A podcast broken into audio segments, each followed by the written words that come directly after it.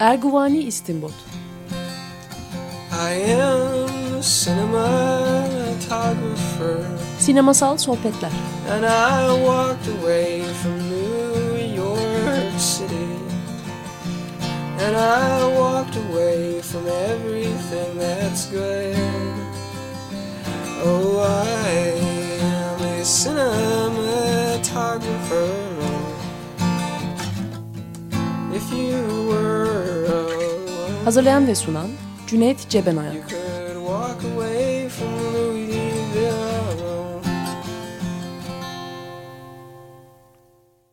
Merhaba.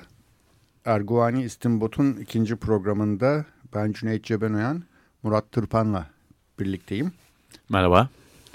Murat sen neler yapıyordun altyazıda yazı yazmak dışında?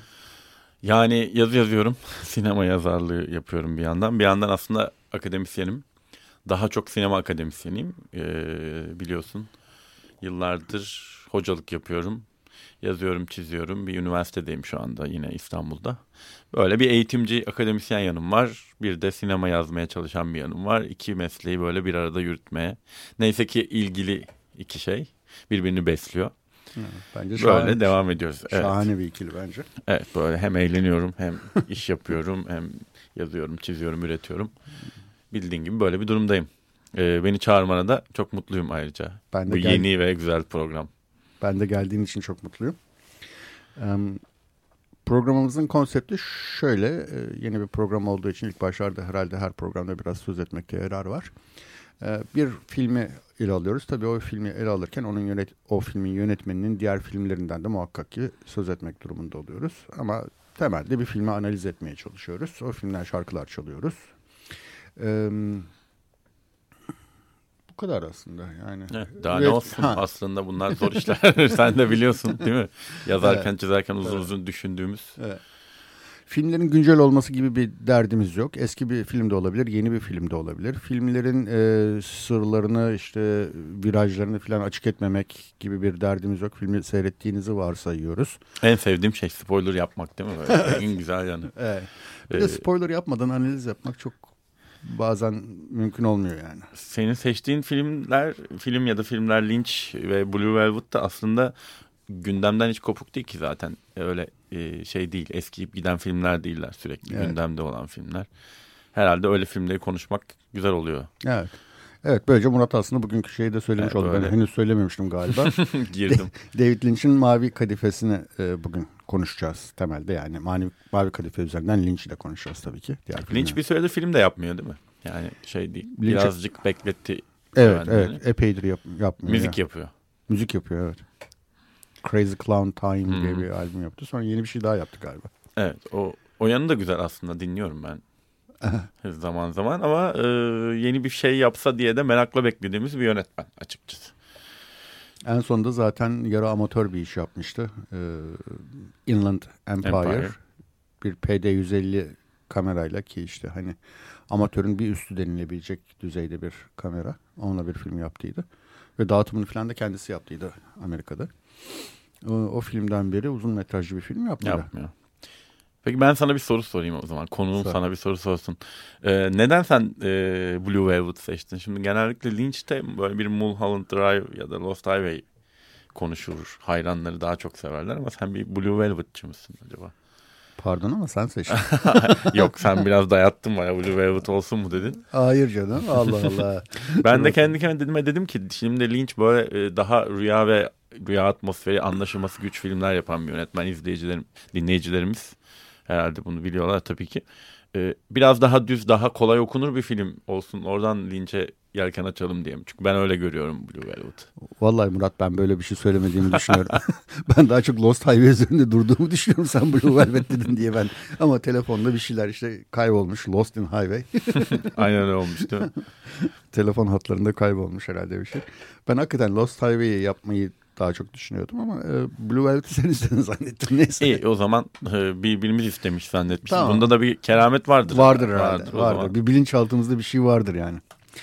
Evet. E, sence Blue Velvet ne anlatıyor gibi böyle dangadan. Blue Velvet ne anlatıyor? Im, zor işler. Böyle kolay cevap verilmeyecek sorular bunlar ama e, açılış sekansı belki bu şeyi veriyordur. Biz bu programda herhalde filmlerin izlendiğini varsayıyoruz. Tabii Evet, evet. Anca Evet. böyle zevk alınır bu muhabbetten. Tabii. Ee, yani böyle bir Amerikan rüyasının, bir huzur atmosferinin, bir masumiyetin hüküm sürdüğü bir atmosferin nasıl dağılabileceğinden ya da böyle görünüşte böyle olan bir atmosferin arkasında bir takım korkuların, kaygıların bilinç altında kişisel ya da toplumsal olabileceğini gösteren bir film aslında. Böyle bir karanlık bir film.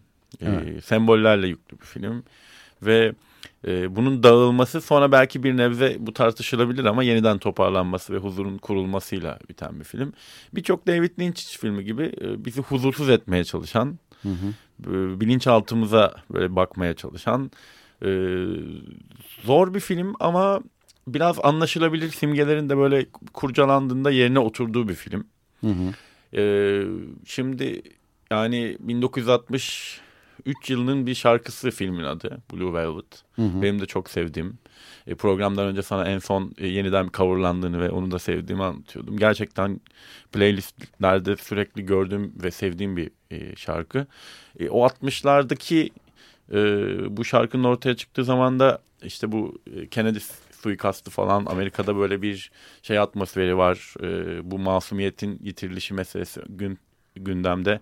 Salinger gibi yazarlarda da bu çok e, görülüyor o dönemde. Lynch de bu şeyi çok iyi kullanabilen bir adam. E, yani bir Amerik bir yerde okudum gelmeden şöyle bir bakayım dedim hatırlayayım filmi. Lynch'in bir sözünü okudum. Şey diyor. İşte aslında çok zor bir şey değil yani bu filmin anlattığı çok büyük matah bir şey değil diyor. Yani basit bir e, meseleyi anlatıyor.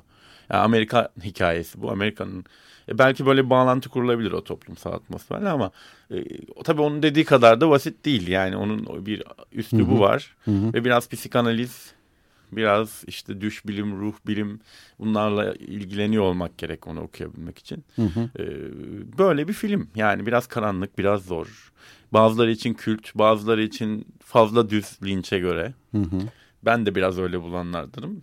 Bir film ama e, benim için de önemli bir filmdir. Yani belki de psikanalitik e, okumayı anlatabilmek için mesela biz üniversitede de çok yapıyoruz bu analiz işlerini derslerde ve ideal bir film aslında. Yani kulak meselesi mesela değil mi? Yani filmin Tabii, başından. Giriyor ve çıkan. çıkıyor oradan. Değil mi? Kulaktan giriyor, kulaktan çıkıyor. Gireyim mi o meselelere hemen yoksa Girmeyelim. daha... Benim aklıma şey mi? gireceğiz zaten. Vaktimiz sanırım var ona. Ee, şeydi 63 olmasına biraz şaşırdım. Ben gelmeden önce biraz okudum filmle ilgili. Hep şöyle deniliyor. Bu 1970 50'lerin e, imgelemiyle 1980'lerin imgeleminin bir Biraz karışımı. karışık doğru. Şarkıdan bahsettim. Şarkı Şimdi doğru doğru. Ha, doğru. Ama, Ama- filmin bir zaman şeyi yok. Zaman şeyi yok ve e, görüntüler daha doğrusu e, kurduğu Amerikan imgesi böyle 50 ile 50'lerle 80'lerin böyle ama 60'lar 70'ler pek yok deniliyordu da ondan şarkının 60'lardan kalmış olması. İlginç değil mi? Ha ilginç diye düşündüm. Hatta 60'ların ve 70'lerin gündemde olmamasını biraz yine şeye bağlıyorlar. O 60'ların ve 70'lerin özgürlükçü ortamında işte kadının e, sesinin daha çok çıkması, alt, e, etnik kimliklerin kendilerini daha çok göstermesi vesaire. E, bunun öncesindeki bir Amerika ve bunun sonrasındaki bir Amerika. Yani bir tür erkeklik krizine de neden olduğunu iddia ediyordu okuduğum yazı bu şeylerin olmasının. e, bu e, beyaz erkek iktidarını e, sınırlayan gelişmelerin olmasını. Ve filmdeki işte Jeffrey karakterine falan biraz da öyle bakıyordu. Hı hı. Ee, onun için böyle bir 50'ler ve 80'ler hani David Lynch'in de gençliğini yaşadığı ve o gününü yaşadı. Yani 60'ları 70'leri bir şekilde atlıyor gibi. Evet öyle görünüyor. Belki de bu zamansızlık hani e, daha psikanalizin de böyle her zaman ve her coğrafyaya e, açıklayıcı bir kuram olma iddiasıyla da bağdaşıyor. Yani bu imgeler zaten evrensel ve her durumda karşımıza çıkabilecek. Yani kastrasyon imgesi, baba imgesi değil mi? yani oradaki erkeklik, bir olgunlaşma süreci, kadının konumu vesaire. Yani belki daha genişletiyor meseleyi. O yüzden e, doğrudan zaman verilmemesini de ben şey buluyorum ya. Güzel buluyorum filmde. Bir de şöyle bir şey e, denilebilir mi ama yani e, 50'ler böyle bir tür daha doğrusu şu, şu iddia ediliyor da ondan söylüyorum sana. Hani güzel mi değil mi ama niye? E, David Lynch'te böyle bir ikili ikilikler, ikilik dikotomiler, Kontrastlar var, ya evet. karşıtlıklar var. Sürekli Yani. kullanılıyor. Evet. Yani bir yandan çok masum, çok temiz, çok pırıl pırıl bir tablo. Bir anda şiddet, Kötülük, vahşet, evet. dehşet falan. Yani bu Blue Velvet içinde böyle bir ikilik var. İki tane Net dünya var, var. net. Çok çok net var. Ee, 50'lerin Amerikası kafadaki o e, bir tür naiflik belki bir tür e, masumiyeti çağrıştıran Amerika'yla işte bugün o ya da o gün 80'lerin işte Reagan'ın saldırgan Evet. Amerika'sının falan farklılığı da. Muhafazakar Amerikan evet. Gerçi 50'lerde çok muhafazakar McCarthy dönemi ama yani belki Evet. şeyin e, David Lynch için işte ilk gençliğini yaşadığı daha masum bir dönem olabilir tabii ki. Ya yönetmen okuması yapılabilir. O zaten Hı. seviyor kendi hikayelerini katmayı bu filmlere. Evet biz aslında onu yapalım ya. Yani yönetmen okumasından da kaçmayalım. Zaten ilkinde de kaçmadık. Lars von Trier'di geçen Öyle, hafta. ama Lars von Trier'de kaçmak mümkün Trier'de kaçmak mümkün değil tabii. İşin içinde o kişiselliği. Ee, yani işte böyle zamansız bir hikaye ama e, bir replik var filmde benim çok sevdiğim. Dünya çok garip bir yer diyor. Evet. Evet yani her zaman garip bir yer olmaya devam ediyor Lynch için. Yani son filmlerinde de öyle. Muhtemelen yeni filmde de bu garipliğin hikayesini anlatacak. Eninde sonunda böyle bir kişisel bir yanı var. Ee, Blue Velvet e, politik bir film mi diye Hmm. sorarsan bu senin söylediklerin üzerinden. Yani Lynch'in çok politik olduğu da düşünülmez genellikle. Evet. Daha kişisel olduğu, daha iş dünyasına dönük bir sinema yaptığı düşünülür ama Hı hı. belki de Blue Velvet böyle bir senin anlattığın üzerinden okunursa biraz daha politik bir film olarak görülebilir. Ne dersin? Yani e, politik e, olarak suçlayanlar işte yani faşizan olduğunu iddia edenler bile var. E, ama yani işte David Lynch'in e, ne olduğunu aslında biliyoruz. David Lynch bugün işte transandantal, ta, transandantal meditasyona inanan, Evet öyle. dünya barışı için e, çalışan, e, bence Şey gibi- anlamsızca çalışan ama çalışan. Wild, Wild, at Heart'ta aşıklar şeydir ya hani dünya mutlu bir yer olsun diye. Hı. Tek istekleri odur. Onun gibi bir şey oradaki kahramanları gibi. Ee, tuhaf bir adam. Zaten Tuhaf. onun hayranları da e, biraz ben de dahil. Ya o tuhaflığı seviyorlar. Aynen öyle tabii canım. Ben de o tuhaflığı çok seviyorum. Yani e, bir David Lynch filmini anlamasam bile e, genellikle bir şekilde çok etkilenerek çıkıyorum. Anlama isteğiyle çıkıyorum. Hani bazı filmlere girersiniz, anlarsınız ve e, çok basitti sıkılırsınız. Bazılarına girersiniz, anlamazsınız ve anlamak istemem çok sıkılırsınız. Cüneyt ben e, şeyi hatırlıyorum. Bu Reard'in bir yazısı vardı bizim altyazının 100. yıl e, sayısında. Orada çok küçük bir yazıydı ama şey diyordu işte. Biz çok rasyonel olarak anlamayı eleştirmenlerimiz özellikle ve izleyici olarak ben de bu saplantıya kapılıyoruz ve her şeyi anlamaya çalışıyoruz. Ya buna ihtiyaç yok diyordu. Bunu şey üzerinden anlatıyordu. Ee, Uncle Bolme Remember His Past Lives. Ee, Bu eski hayatlarını hatırlıyor amcam film üzerinden. Ee, ya anlamadım diyor ama yani film iyi. Yani ben, bende bir şeylere dokunuyor çünkü. Bilinçaltımda bir yere dokunuyor. Geçmişimde bir anılarımda bir şey çağrıştırıyor ve yaratıyor.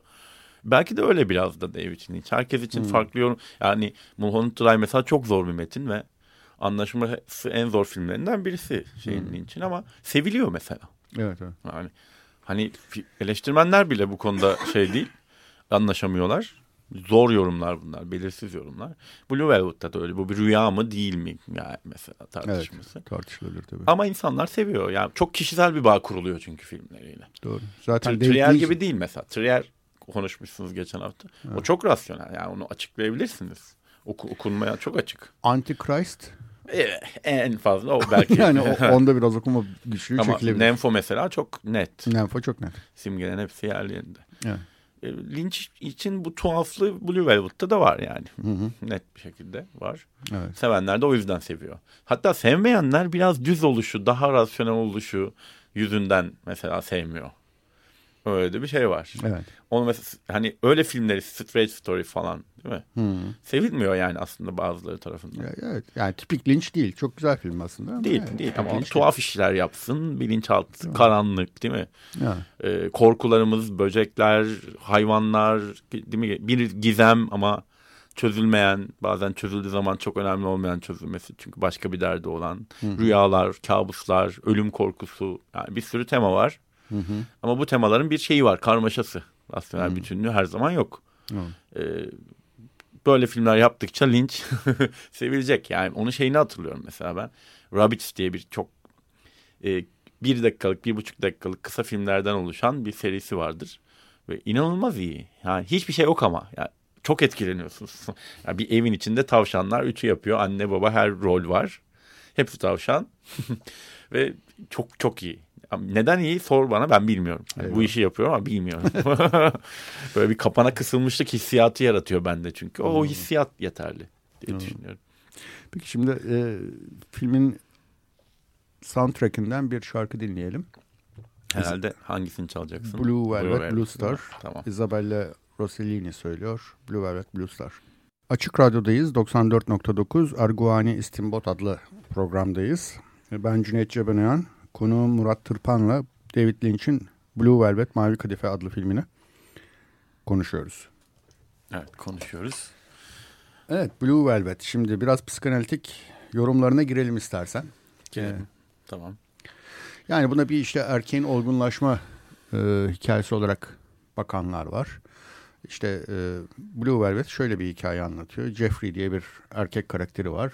Bu erkek karakter kolejde, üniversitede okuyor. E, yaz tatilinde babasının yanına gelmiş. Babasının bir hırdavatçı dükkanı var. E, babası bir beyin kanaması gibi bir şey geçiriyor. Ya da kalp krizi ne olduğunu tam hı hı. bilmiyoruz. E, hastaneye yatıyor. Babasının hastaneye ziyaretinden dönerken Jeffrey yerde bir kesik kulak buluyor. Onu polise götürüyor. Polis e, sin, polis müfettişinin kızı da kızıyla da orada tanışıyor ve o, aralarında bir yakınlaşma başlıyor ve bu bir aşka doğru evrilirken Jeffrey bir yandan da e, nedense dedektifliğe soyunuyor ve polise bırakmıyor. Bu meseleyi anlamaya çalışıyor. Bunun arkasında ne var ne var diye. Ve bu onu Dorothy Wallens adlı bir şarkıcının ya götürüyor. Şarkıcının evine gizlice giriyor. Orada bazı şeyler öğrenmeye başlıyor. Öğrendiği şeyler biraz korkunç şeyler. İşte kadının kocası ve oğlu kaçırılmış. Ee, bunun nedeni de Frank adlı bir kötü adamı var filmin. Ee, Frank bu e, kaçırmayla Dorothy'yi kendi istekleri doğrultusunda e, davranmaya zorluyor. Amacı o bir fidye falan istemiyor. Sadece Dorothy'yi kullanmak, abuse etmek, kötüye kullanmak için yararlanıyor. Dorothy ile Jeffrey arasında bir ilişki başlıyor. Derken işte vesaire ve son çatışma vesaire. Kulakların sebebi de belli oluyor onların değil mi? Ha, evet, evet.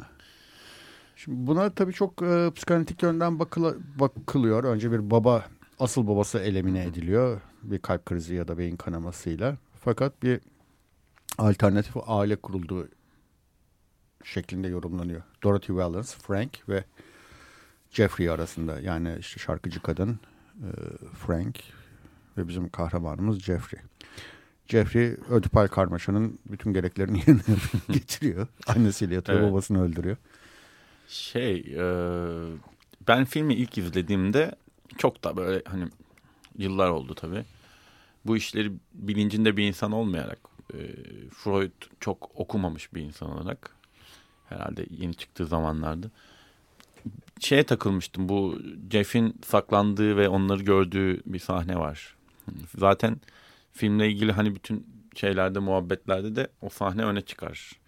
Ee, ama ben tabii bunu bilinçsizce etkilenmiştim o sahneden. Fakat sonra neden etkilendiğimi anladım bir süre sonra. Bu anlattığın bütün bu ödip hikayesinin yeniden ailenin kurulması, Frank'in girmesi, Jeff'in büyümesi, e, yeni bir kadın bulması Dorothy.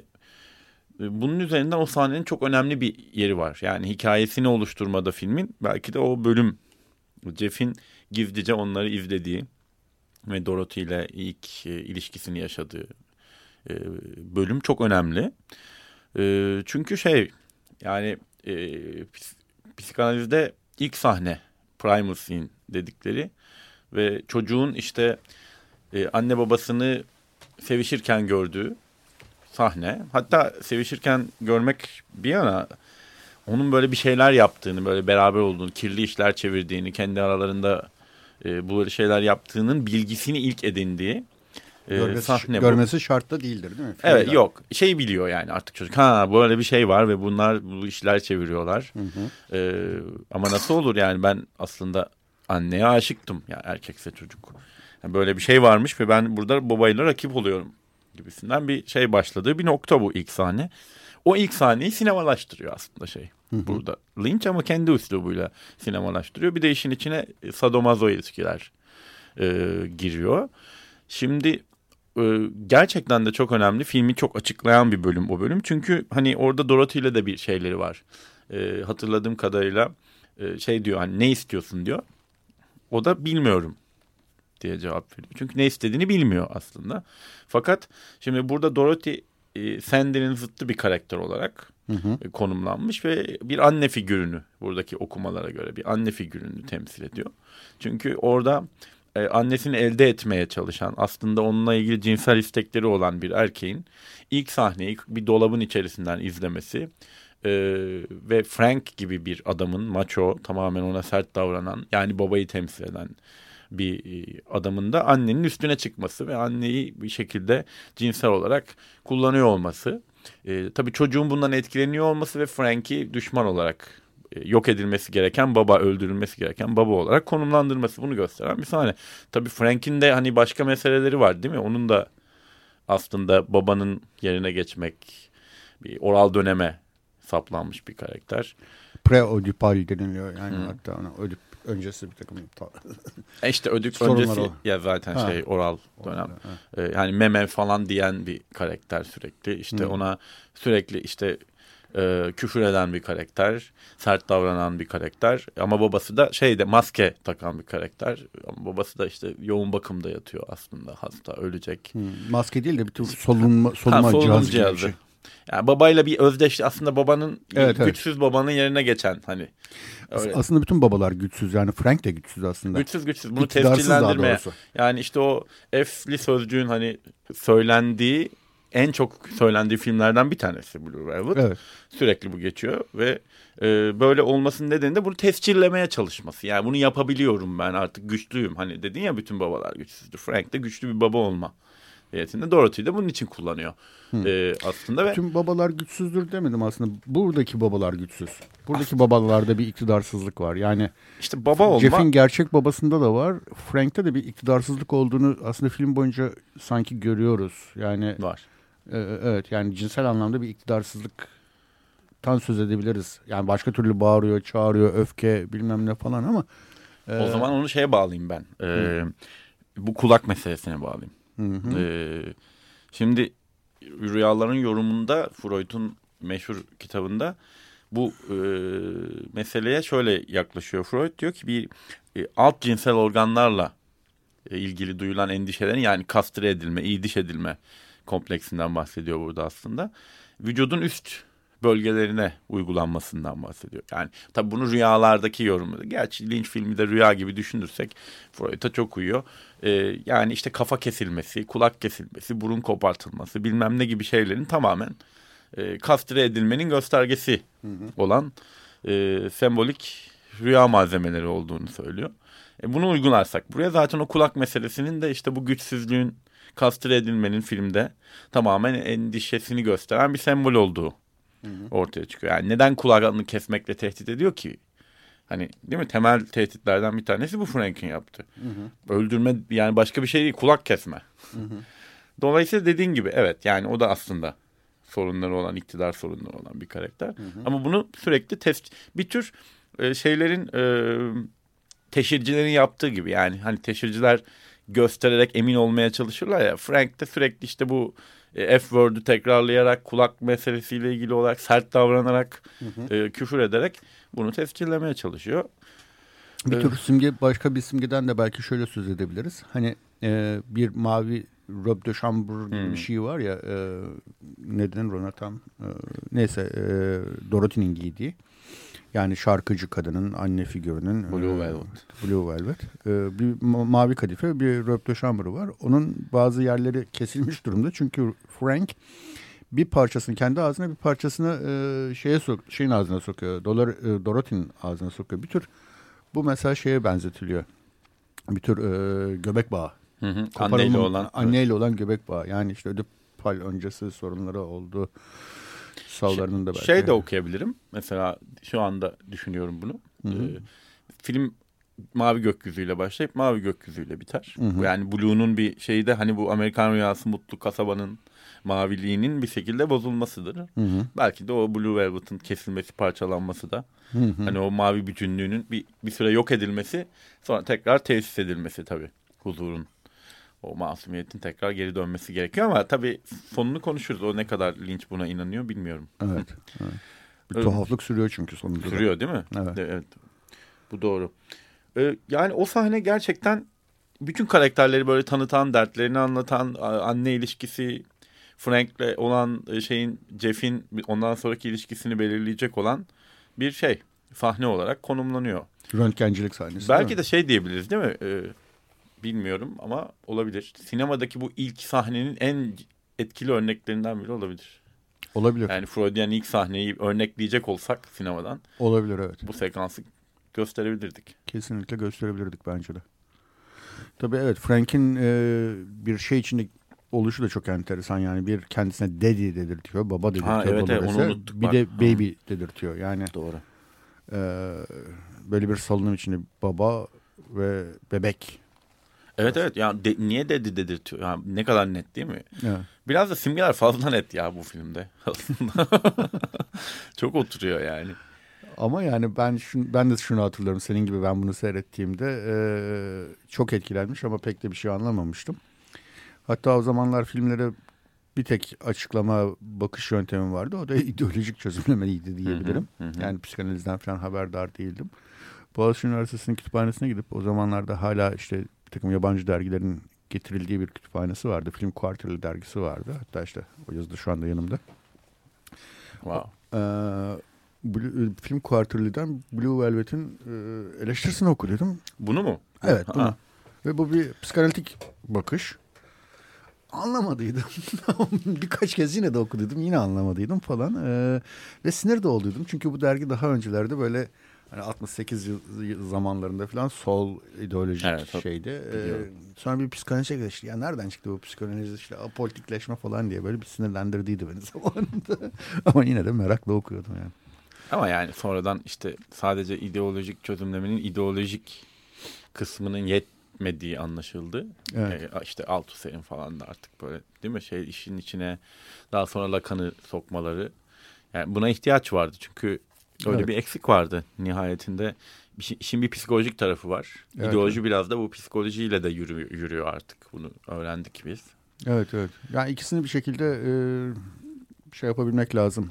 Dengeleyebilmek falan lazım. Ne sadece psikoloji ne sadece sosyal bilmem ne bir hı, bakış. hı hı. e, sosyolojik bir bakış. İkisini de dengeleyebilmek lazım ki genellikle yapılamayan bir şey diye düşünüyorum. Evet ya ama şey ben yine aynı şeyi söyleyeceğim yani Hı. simgeler meselesinde biraz linçten beklemediğim kadar açık olduğu için mesela şimdi o minval üstüne devam edelim biraz yolu açmış oluruz. Filmin açılış sekansı değil mi böyle herkesin çok sevdiği e, bir rüya Amerikan kasabası blue gökyüzü işte mavi gökyüzü el sallayan ço- İtfaiyeci. itfaiyeci yürüyen çocuklar e, bahçe çitler değil mi? güzel her şey güzel sonra Jeff'in babası işte e, kriz geçiriyor Köpek- Oradaki mesela e, e, simgeler simgeler de çok e, aslında direkt simgeler mesela şey. onunla dalga geçiyor galiba Yani ho, e, hoz şey hortumda tıkanıklık oluyor, damarda tıkanıklığa Oluyor. simgesine dönüşüyor. ve tipik o Amerikan rüyasını temsil eden her şeyin huzurlu olduğunu gösteren tipik simgeler falan Ya, tabii orada ironi var. Onu kabul etmek lazım. Hani onu direkt kullanıyor ama onun bir nedeni var tabii. Ee, çünkü bir süre sonra adam öyle kriz geçirdikten sonra değil mi otların altına inecek kamera ve karıncaları göreceğiz. Bu- evet. Ee, bu da yine ben bir Freud şey yapayım alıntısı çok lazım oluyor bu filmlerde. Böceklerin e, bu tür hayvanların küçük hayvanların e, tamamen bilinç altındaki korkuların bizim böyle tam ta- kaygıların da tabii çünkü hani kaygı nedensiz korku olabiliyor güvensizlikten kaynaklanan ve nedensiz olan korkular bu kaygıların simgesi olduğunu işlerin bir şekilde yoluna gitmediğinin simgesi olduğunu ve bu böceklerin de hani sinemasal olarak bu şekilde işlev gördüklerini sembolik Freudian anlamda düşünebiliriz. Ee, biliyoruz bunda yani bu çok sık kullanıyor. Hani hiç gon kuşları da beladır mesela o anlamda. Ee, buradaki özellikle karınca meselesi böyle çok fazla olan böcekler işte bizim beynimize üşüşen böyle böceklerin ve e, tehlikenin, kaygılarımızın sembolü. Şimdi burada da direkt bu güzel manzaranın altına giriyoruz tabii. Hani o Amerikan evinin altına girdiğimizde e, zaten korku filmlerinin de şeyidir ya. Hani ev güzel ama Bodrum'da tehlikeler var. Hı hı. Bilinçaltı orası çünkü. Hı hı. E burada da bir şekilde o böcekler var. Ve o böcekler biraz Frank'e gidiyor Hı hı. aslında. Değil mi? Kulak kesen, e, bu ataerkilliği temsil eden ve onu ispatlamaya çalışan bir babanın kötülüğün getirdiği tehlikeler. Zaten filmde ilginç şeylerden bir tanesi de mesela e, Jeff'in Dorothy'nin evine girdiği sahnede gizlice girdi. Yani çaktırmadan diyelim gizlice değil de e, kimliğini bir ilaçlama şeyi olarak Böcek ilaççısı. Evet böcek ilaççısı. Yani aslında bir böcekleri öldürmek sorumluluğunda olan bir insan. Zaten hani dedektifle konuşup o gizemi çözmeye çalışması. Böcek ilaçlama rolü yapması. Frank'in e, baba olduğunu öldürülmesi gerektiğini düşünürsek kulak kesenin e, tehlikenin oradan geldiğini düşünürsek e, o böcek bu böcekleri ilaçlamak isteyen e, ve büyümesi ve onları yok ettiğinde büyüyecek olan, erkekliğini tescilleyecek olan adam diye düşünürsek her şey yerli yerine oturuyor. Hı hı. Yani dedin ya yeni bir aile, evet. Ee, işte ben biraz ondan hoşlanmıyorum. Hani Hı hı. o güzel manzara, altında böcekler, onların yok edilmesi gerekiyor. İlk sahne oradan o çıkıyor ve Yani herhalde linç- baba çocuğu dövüyor mesela değil mi? O sahne de güzel bir sahne. baba çocuğu dövüyor. Hangi Şey, sahne? Frank hani Jeff'i döver ya bir yerde. Ha önce Jeff de babaya yumruk atar. Atar. Ha işte Hmm. kavga ederler. Sonra onu döver. Hı hı. Evet. Aslında orada yani babanın da düşman bir baba olması enteresan yani. Babanın artık çocuğu e, rakip olarak gören bir baba. E, fakat babada bir tür eşcinsellikten de söz etmek mümkün diye düşünüyorum ama ona gelmeden yine biz şu e, Geldi mi zaman? Geldi evet. Şimdi şarkı, ne çalacağız? bir şarkı daha çalalım. E, bu sefer In Dreams'i dinliyoruz. Roy Orbison söylüyor. E, 94.9 Açık Radyo'dayız. Erguvani İstimbot yoluna devam ediyor. Ben Cüneyt Cebenayan, Murat Tırpan'la birlikte Blue Velvet'i tartışıyoruz, konuşuyoruz. David Lynch'in Mavi Kadife adlı filmini yani. Evet. Sen babadan bahsetmiştin. Ne diyecektin orada? Ha babadan bahsetmiştim. Babanın işte Eşcinsellik. eşcinsel yanları olduğu da söylenebilir. Ee, mesela e, bir e, mekana gidiyorlar. Dorothy'nin oğlunun e, şey tutuldu, rehin tutulduğu Hı hı. mekana gidiyorlar. Orada işte bir sürü kadın var. Ee, o kadınlarla hiç ilgilenmiyor fakat orada bir gay görünümlü bir erkek pimp olduğu da söylenebilir. Hı hı. Frank'in ilgisi tamamen ona.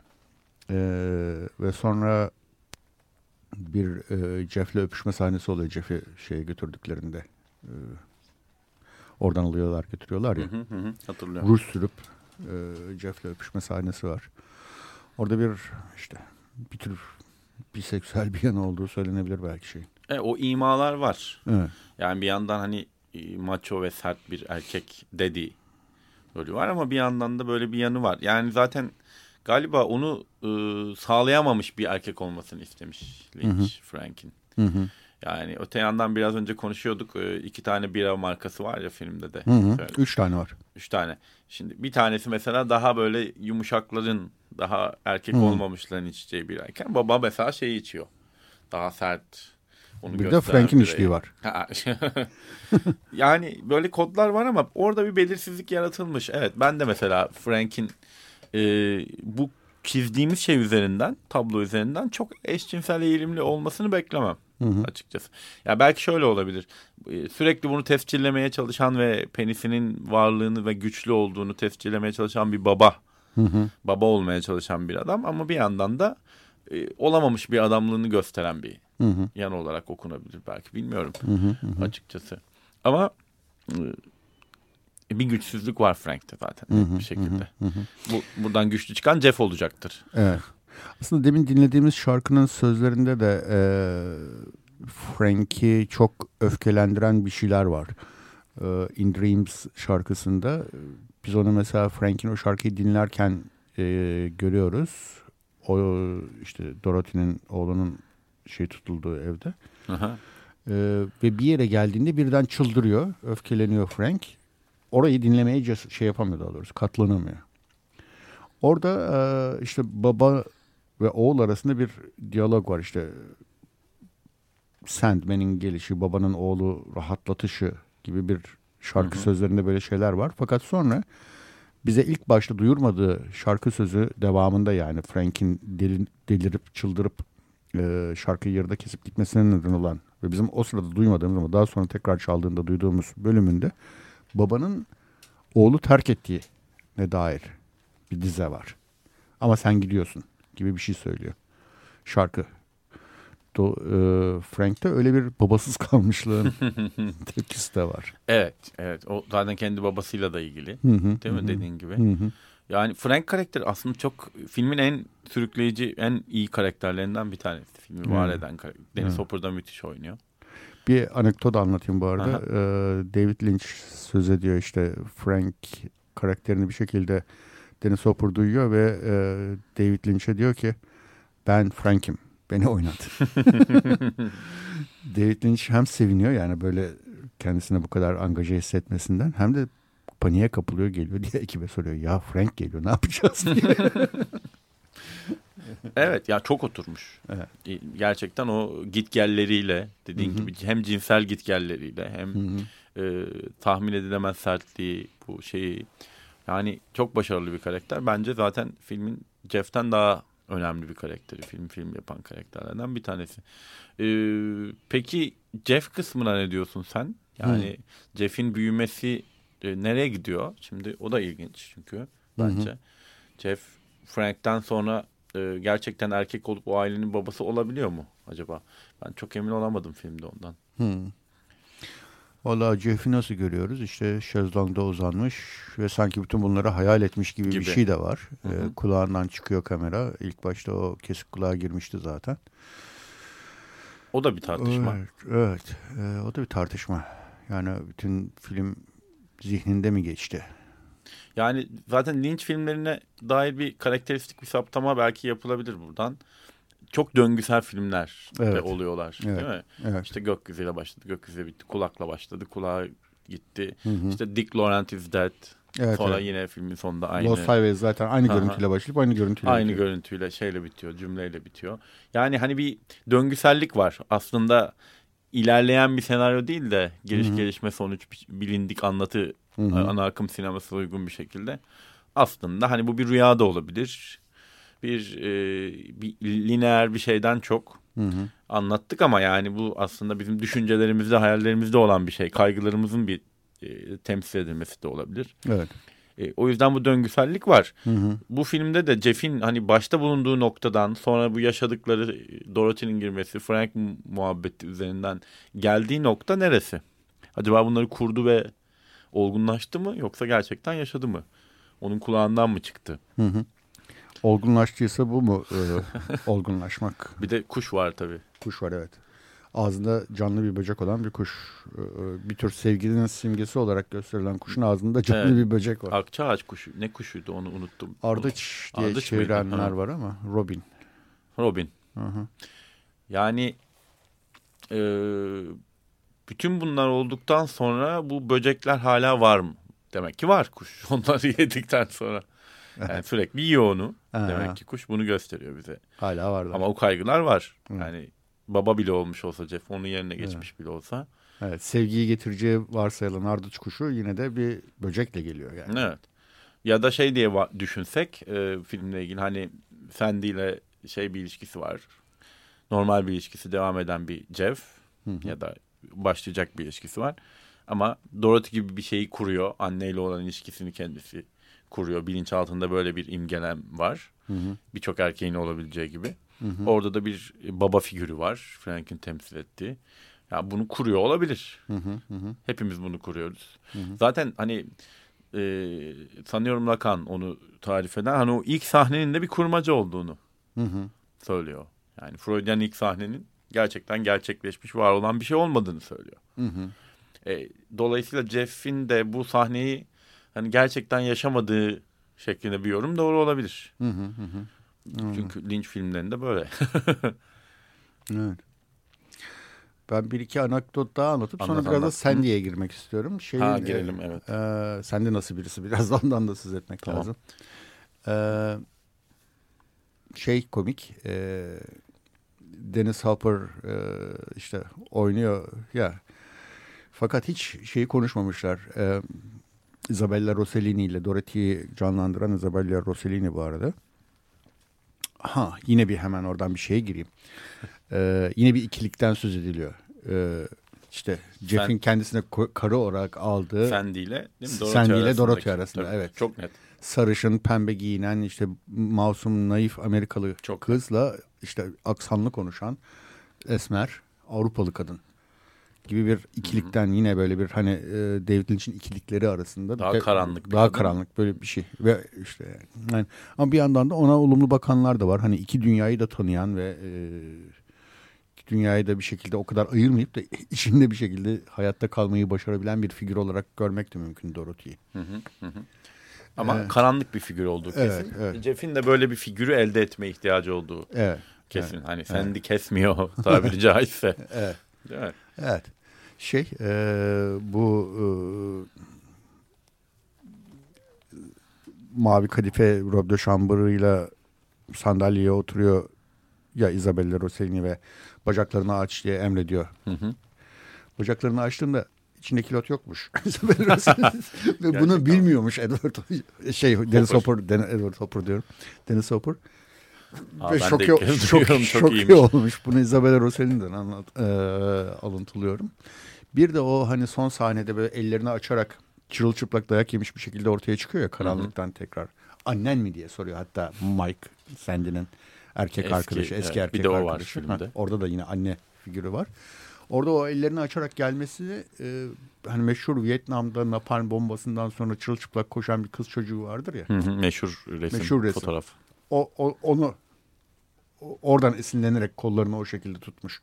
Çünkü o bir tamamen bir savunmasızlık, tamamen bir e, cinselliğinin bile artık farkında olmama hali yani. Hı hı. Öyle bir şey olarak gördüğü için o sahneyi, e, o, o, o pozu e, tekrarlamış yani canlandırmış diyeyim. E, evet bir yandan da Sandy var. Sandy nasıl birisi? Sandy, bir de Sandy eee, şey bir karakter, yani düzgün bir karakter ve bir de sevgilisi varmış sonradan anlıyoruz. Mike. Aslında Mike diye bir adam. Hmm. Yani Sandy onu değil de Jeff gibi bir karakteri tercih eden düzgün bir kız. Aslında senin dediğin gibi ikiliğin o tarafı, ak tarafı. Evet. Çok sıradan aslında Çok bildiğimiz sıradan işte. ama güvenli bir liman Evet. gibi görünüyor. Çünkü bir de Jeff'i tercih ediyor yani. Evet. Bu, bu önemli bir unsur. Niye Ma- tercih ediyor? Mike'ın çok bir şeyi yok filmde aslında. Hiç yok neredeyse evet. Değil mi? Evet. Michael bir tek şey olarak biliyoruz. Futbolcu. Amerikan futbolcusu. Ve bir de işte son sahnelerden birisinde tehdit etmeye geliyor ve ama orada o tehditte de e, yine iyi oğlan tarafı ağır basıyor. Sandy'nin şöyle bir şey var. Onu niye tercih ediyor da Lynch filmlerine özgü bir yan var. Bu Valide Tart'ta da vardı. Ee, yol filmlerini seviyor Lynch ve hani kahramanlar bu cinselliklerini, ilişkilerini biraz yolda da yaşıyorlar. Burada da Sandy biraz e, Jeff'le yola çıkıyor aslında. Hani o gizemi çözme konusunda onun yanında. Ve film biraz ilk başta yanlış hatırlamıyorsam aslında ben filmi izleyeli çok oldu. Ee, babayla ilgili yani dedektifle ilgili de bir gem atıyor bir ara. Belki onun kirli işlere bulaşıp bulaşmadığıyla ilgili bir yer, bir diyalog falan var. Kendi babasının mı? Tabii tabii. İzleyici bir an acaba bu da mı işlerin içinde diye düşündüğü bir an var. Evet doğru. Sonra o öyle olmadı anlaşılıyor da küçük bir şey var yanıltmaca oyun var orada. Sandy ona rağmen Jeff'le beraber yolculuğa çıkıyor. Yani o yakalan şeye girdiği sahnede kornaya basıyor. Hı hı. Jeff içerideyken. Aslında Sandy ile Jeff'in ilişkisini bu gizemin peşinde koşmaları kuvvetlendiriyor biraz. Çünkü Evet. Sandy için de Jeff'in hani büyüyen bir erkek karakterinin o yolculuğu çok çekici. Bana sorarsan. Evet. Şeydeki gibi hani yine Valide Tart örneğini vereceğim. Orada da yolculuk ateşleyen bir şey. Karakterleri aslında. Ee, başka Ama zaten kadından beklenen biraz da bu değil mi? Hani erkeğini şey, destek, o desteklemek. kornaya basması. E, evet, yani e, erkeğin sen kurbağa da olsa, canavar da olsa işte e, başka bir ne olursa olsun hani bir anlamda desteklemek. Çünkü Sandy'nin e, Jeff'e bakışlarında hep öyle bir kuşku bu adam sapık mı yoksa şey mi? E, ne bileyim ben. Detektif mi? Zaten öyle bir şey de soruyor. Evet. Doğrudan doğruya Jeff'e sen sapık mısın diyor bilmiyorum yoksa dedektif misin diye. İşte Jeff de zaten o sapık mıyımı Dorothy ile karşılaşınca e, şey yapacak, test edecek. Çünkü Test birdenbire böyle hayatta görmediği bir karanlık bir deneyim vur bana diyen bir kadınla Hı hı. karşılaşacak. E, tabii ki her sadomazoşist deneyimle karşılaşan e, ve bunu aslında e, pek tercih etmeyen erkek gibi önce bir çekinecek. Ne yapması gerektiğini bilemeyecek. Sonra vuracak. Vurduğunda aslında kendi cinselliğiyle ilgili bir şeyler de olduğunu hissedecek. Hı hı hı hı. Yani çünkü kendiyle ilgili bir şeyler de var. O da bir e, erkeklik gösterisinde bulunmak istiyor Hmm. aslında. Yani Dorothy niye kendisini cezalandırmak istiyor sence? e, şimdi biraz zor bir soru. Hı. Yani Şeyden aklıma geldi hemen Nymphomand'dan yani. Nymphomand'da da bir sadomazoluk. var ama orada yani şeyin e, Joe, Hı hı. Joe'ydu değil mi? Joe'nun e, ki bir tercih ama. Yani bir, bir nedenleri var onun ama Hı. yani o bunu e, savunan ve bunun aslında bir patoloji, bir perversion, bir sapıklık olmadığını göstermeye çalışan bir karakter. Yani Hı hı. cinselliğini kabullenen bir karakter aslında. Oradaki şey e, hani illa bunun bir takım nedenleri olacak, bu bir sorun olacak gibisinden bir yaklaşım yok. Yani vardığı nokta belki tartışılır. Hı hı. Onun üzerine en son noktada ne dediği Trier'in ama oradaki sadomazo e, seçim seçilmiş bir sadomazo şimdi. Hı. Hoşlanılmış ve tercih edilmiş bir sado. Ha bu bunu olumsuz diyor Trier ama böyle bir şey var. Buradaki öyle değil muhtemelen. Yani Evet. buradaki Bir biraz suçluluk duygusu diyorsun. öyle biraz da yani zorluk zorunluluktan yani yaptırılmış biraz da sonunda Evet. belki öğretilmiş bir şey bu anlamda. Ya bu arada biz vaktimizi galiba doldurduk. Ama bayağı bir, bir şarkı daha çalmayacak. çalacağız Aha. ve yani Sonra böyle bir bayağı dak- hızlı bir bir, şekilde geçti. Nasıl geçti? Tamam. Nasıl geçti Peki. habersiz değil mi? Ee, evet bu günkü Erguani İstimbot'ta Murat Turpan'la birlikteydim. Ben Cüneyt Cebenayan ve birlikte David Lynch'in adlı filmini tartıştık. Ee, ve veda etmeden önce bir şarkı daha çalacağız. Julie Cruise'dan Mysteries of Love. Ee, Murat Turpan'a çok çok teşekkür ediyorum. Ben de Ve gelecek hafta ben de Cüneyt ve bu film de belki de en önemli özelliklerinden bir tanesi e, Lynch filmleri arasında en iyi soundtrack'e sahip film olması değil mi? Senin radyo programına da çok uygun. Böyle çok en güzel şarkıları herhalde çalabileceğim programlardan biri ol- olmuş olmalı. Kesinlikle öyle evet. Çok teşekkür ederim. Zaman çok nasıl teşekkür bitti ederim. bilmiyorum ama çok keyifliydi. Hoşçakal. Tekrar görüşürüz.